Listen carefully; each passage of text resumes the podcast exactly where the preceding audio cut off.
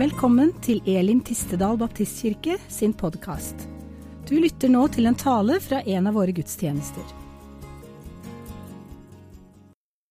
Morgen. Det er en god stund siden jeg preka, så jeg har sju tettskrevne A4-ark. Nei da, jeg har blitt spurt, men det har bare ikke passa. Jeg har gleda meg faktisk til å dele det jeg har på hjertet, med dere.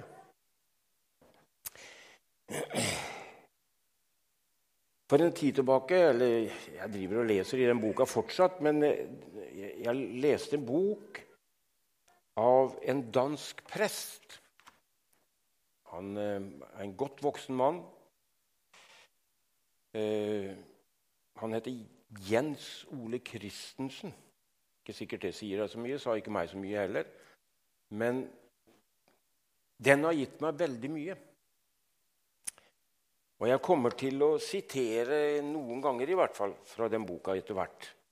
Tittelen på boka det er 'Når tro og liv kolliderer'. Nå er det ikke det jeg skal tale om, men det er et kapittel i denne boka som går på å være underveis. Men først så er det et lite tilbakeblikk fra perioder i mitt liv og etter hvert i vårt liv som ektepar. Jeg har faktisk måttet rydde opp litt i mine oppfatninger av hva som er riktig. Møtestil, møteform, sanger osv. Nå har jeg fylt 75 og har med meg en del i bagasjen. Mye positivt. Jeg vokste opp i Metodistkirkens ja, barn- og ungdomsarbeid, hvis en tar det helt fra begynnelsen. Og etter at jeg traff Lisbeth, så var vi i mange år aktive der. Men her fikk vi også oppleve en åndelig fornyelse. Og det var det ikke bare vi som ungdommer som fikk oppleve, men mange av de eldre også.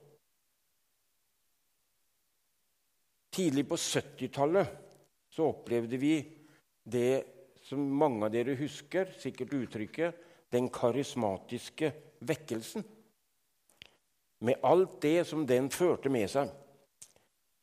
Og store deler av Norge og verden for øvrig ble berørt av det. Og alle vekkelser og fornyelser setter spor etter seg. Det forteller historien noe om. Det forandrer mennesker, familier, ja, til og med hele nasjoner. Jeg tenker bare på John Wesley i England. Hele England ble berørt av Wesley-vekkelsen. Og de sju årene i Saronsdal var en tid vi er dypt takknemlige for, og som også var med å forme våre liv. Så lukta vi litt på trosbevegelsen. Vi reiste ofte på stevner og møter i den tida. Og jeg tror jeg kan si at det var et åndelig vær som berørte mange enkeltmennesker og menigheter, og som det er spor av den dag i dag. At folk falt under Guds kraft, det gjøres vel fortsatt, men det var ganske vanlig. Og jeg tviler ikke på at det meste var ekte. Men det hendte nok at de hjalp til litt. Jeg har en litt morsom historie. Dere som er godt voksne, husker Borgny, svigermora mi. Hun var ei flott dame. Og var jo med i ledelsen her i menigheten også i mange år. Eh, jeg husker hun sa en gang Ikke det at hun var fremme i alle forbønnskøer som var, men hun sa det litt sånn Når det blir servert noe fra Herren, så vil jeg være der i tilfelle han skulle ha noe for meg.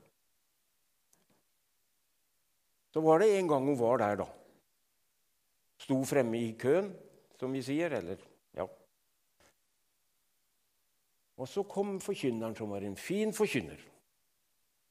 Og det var mange som han la hendene på. Noen falt under Guds kraft, som vi sier. Borgny falt ikke. Hun sto som fjell. Men denne forkynneren han kom jo tilbake til henne både to og tre ganger. Og tredje gangen så forsøkte han litt, da. Og da sier Borgny, 'Ikke putt'.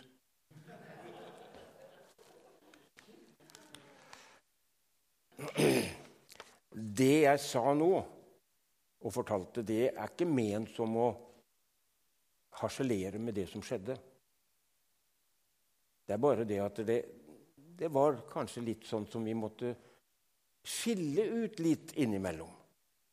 For at Gud var der, det var ingen tvil om. Den, den hellige ånd rørte ved mennesker. Og heldigvis så gjør han fortsatt det. Det har satt spor etter seg, og dette er viktig for meg å få sagt. Vi opplevde mye av dette som et håndslag fra Herren. Og jeg ser tilbake på dette med stor takknemlighet. Men det lærte meg også noe. Det var mye vi tok imot, men det var også mye vi måtte la passere.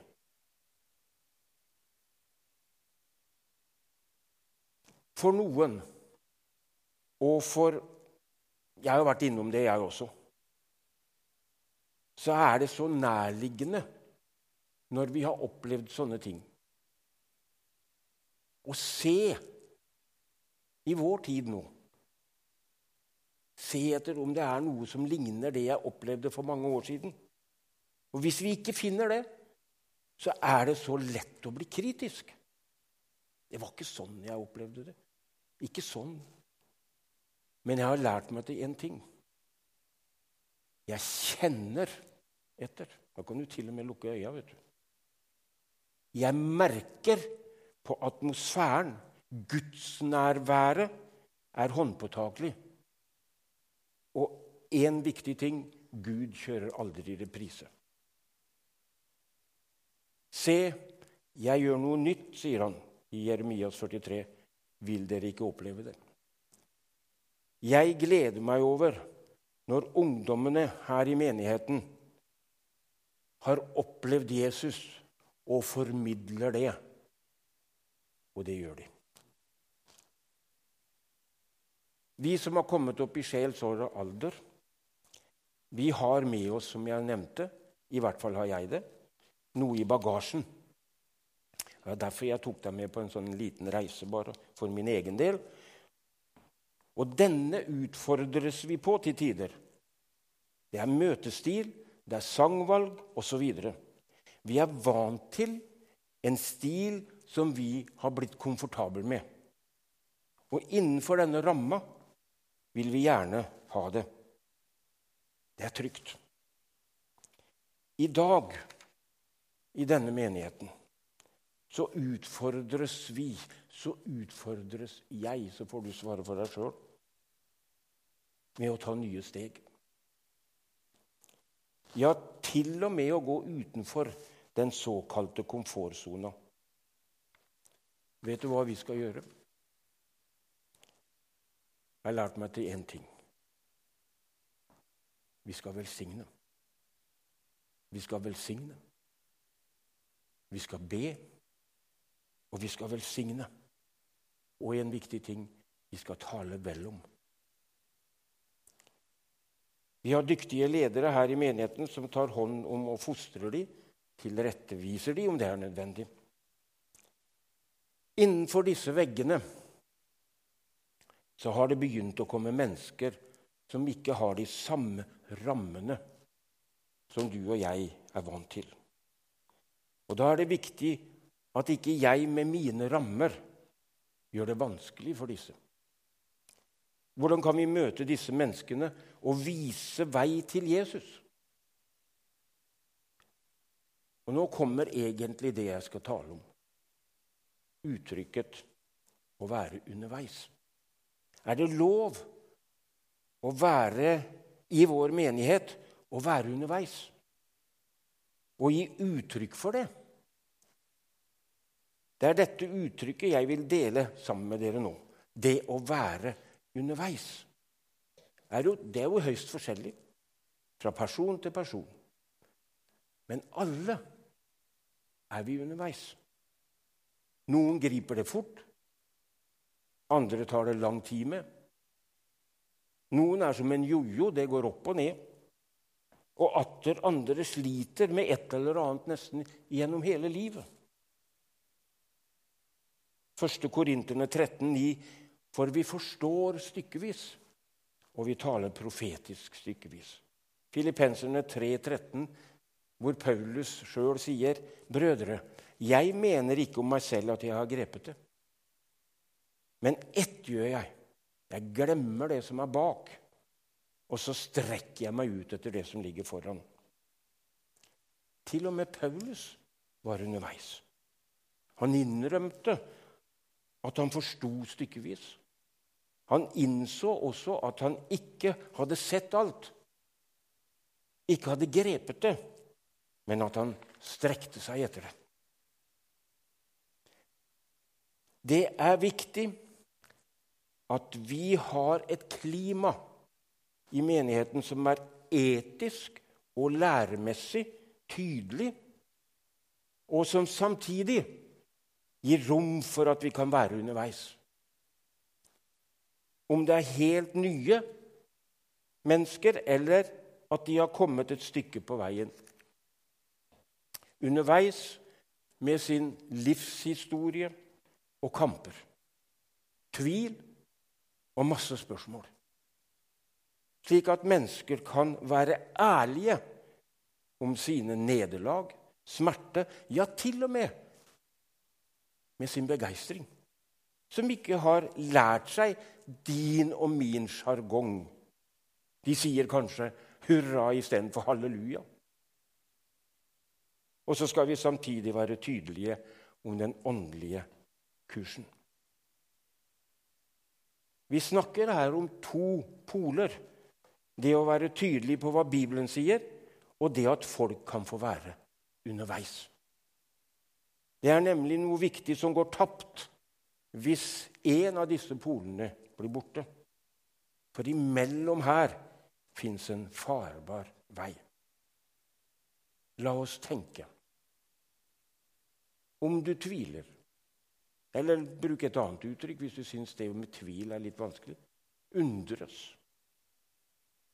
At de kan få si her er det godt å være for en som undres.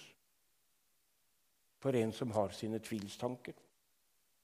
Jeg syns forfatteren av den boka jeg refererte til, sier det veldig fint. Vi ønsker ikke å idealisere tvilen og det uavklarte. Men her er det plass til å kjempe troskampene sine, stille sine spørsmål og være underveis. Det skal ikke være pinlig å spørre. Og vi fortsetter å tenke.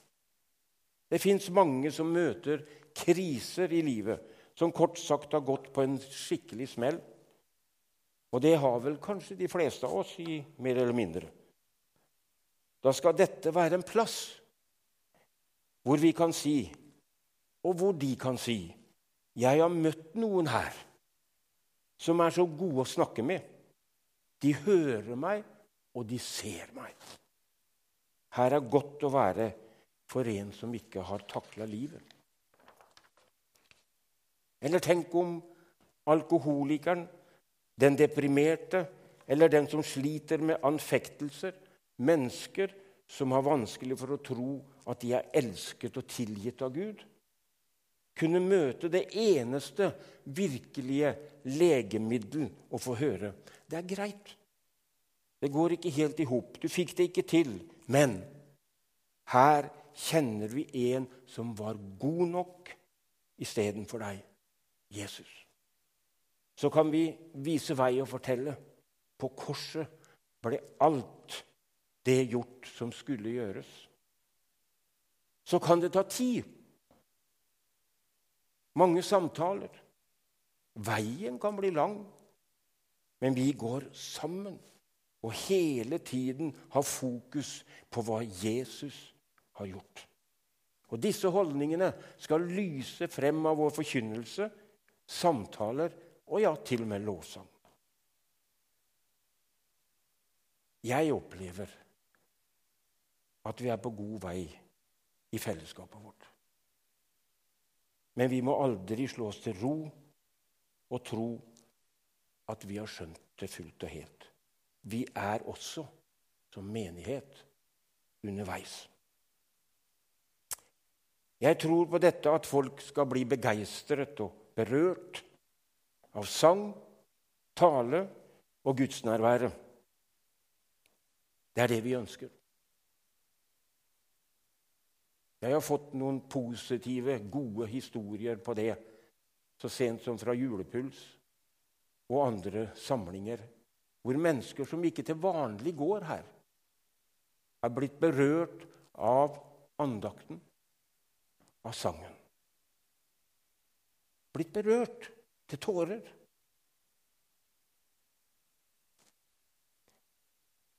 Thomas talte for en tid tilbake om emnet 'Velkommen hjem'. Det var en flott preken.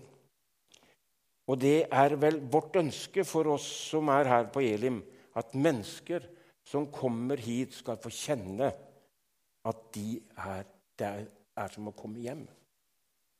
Et åndelig hjem, ja, selvfølgelig, men også et hjem hvor de blir sett og hørt og får lov til å være underveis.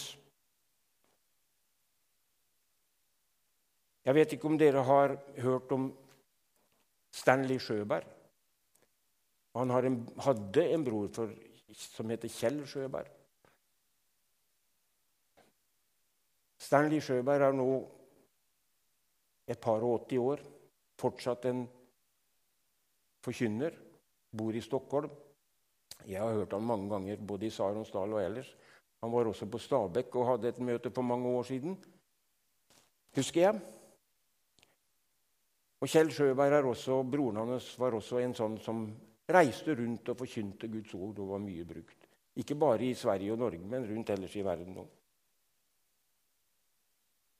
Når disse vokste opp, så var de som unge gutter, de var nokså jamgamle, så var det noen store bajaser. De likte å feste. De likte å leve livet. Mor var kristen, og far var en kristen. Men hver lørdag når disse kom hjem, så sto mor i døra og sa 'Velkommen hjem, guttene mine'. Jeg vet dere liker egg og bacon. Skal jeg sette i stand noe?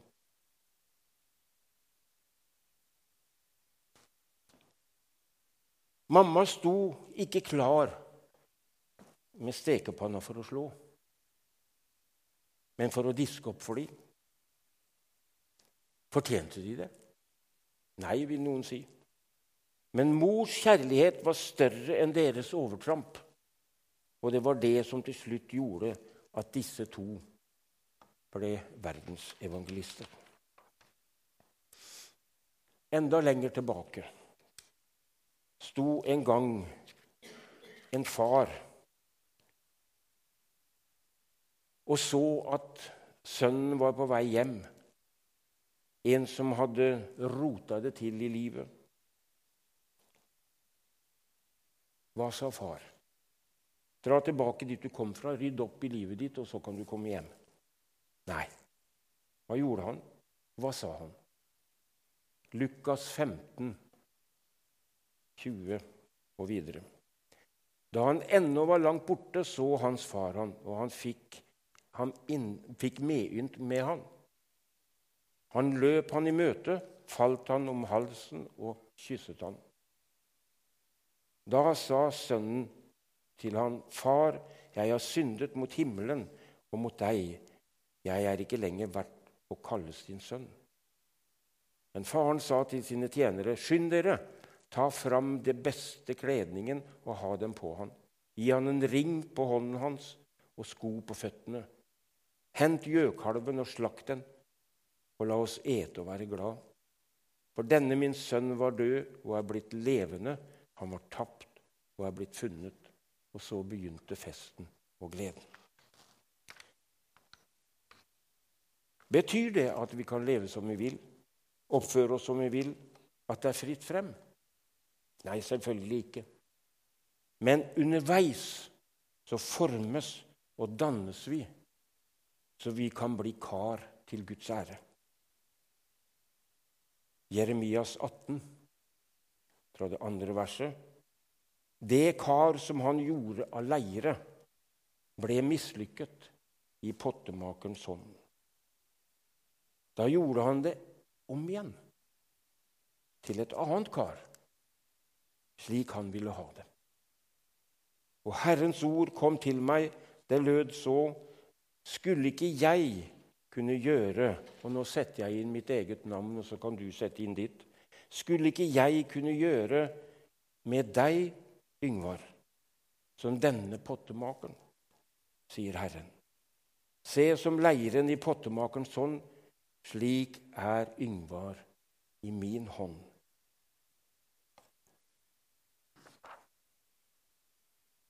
Hva gjorde han med karet som hadde gått i stykker? Han begynte om igjen. Det er den enkle oppskriften. Han begynte om igjen. Kanskje om igjen. Kanskje om igjen. Og så videre. Vi skal være med og være døråpnere inn til Guds hjerte. Vi er alle underveis. Amen. Takker deg, Herre, for at du er en nådens Gud, full av barmhjertighet. Og så priser jeg deg for at du har en vei for oss. En plan for livet vårt. Og jeg takker deg, Herre, for at vi kan få lov til å komme innenfor din trone hver dag med stor frimodighet, uten fordømmelse. Jeg priser deg, Jesus, for Golgatas fullbrakte frelsesverk. Amen.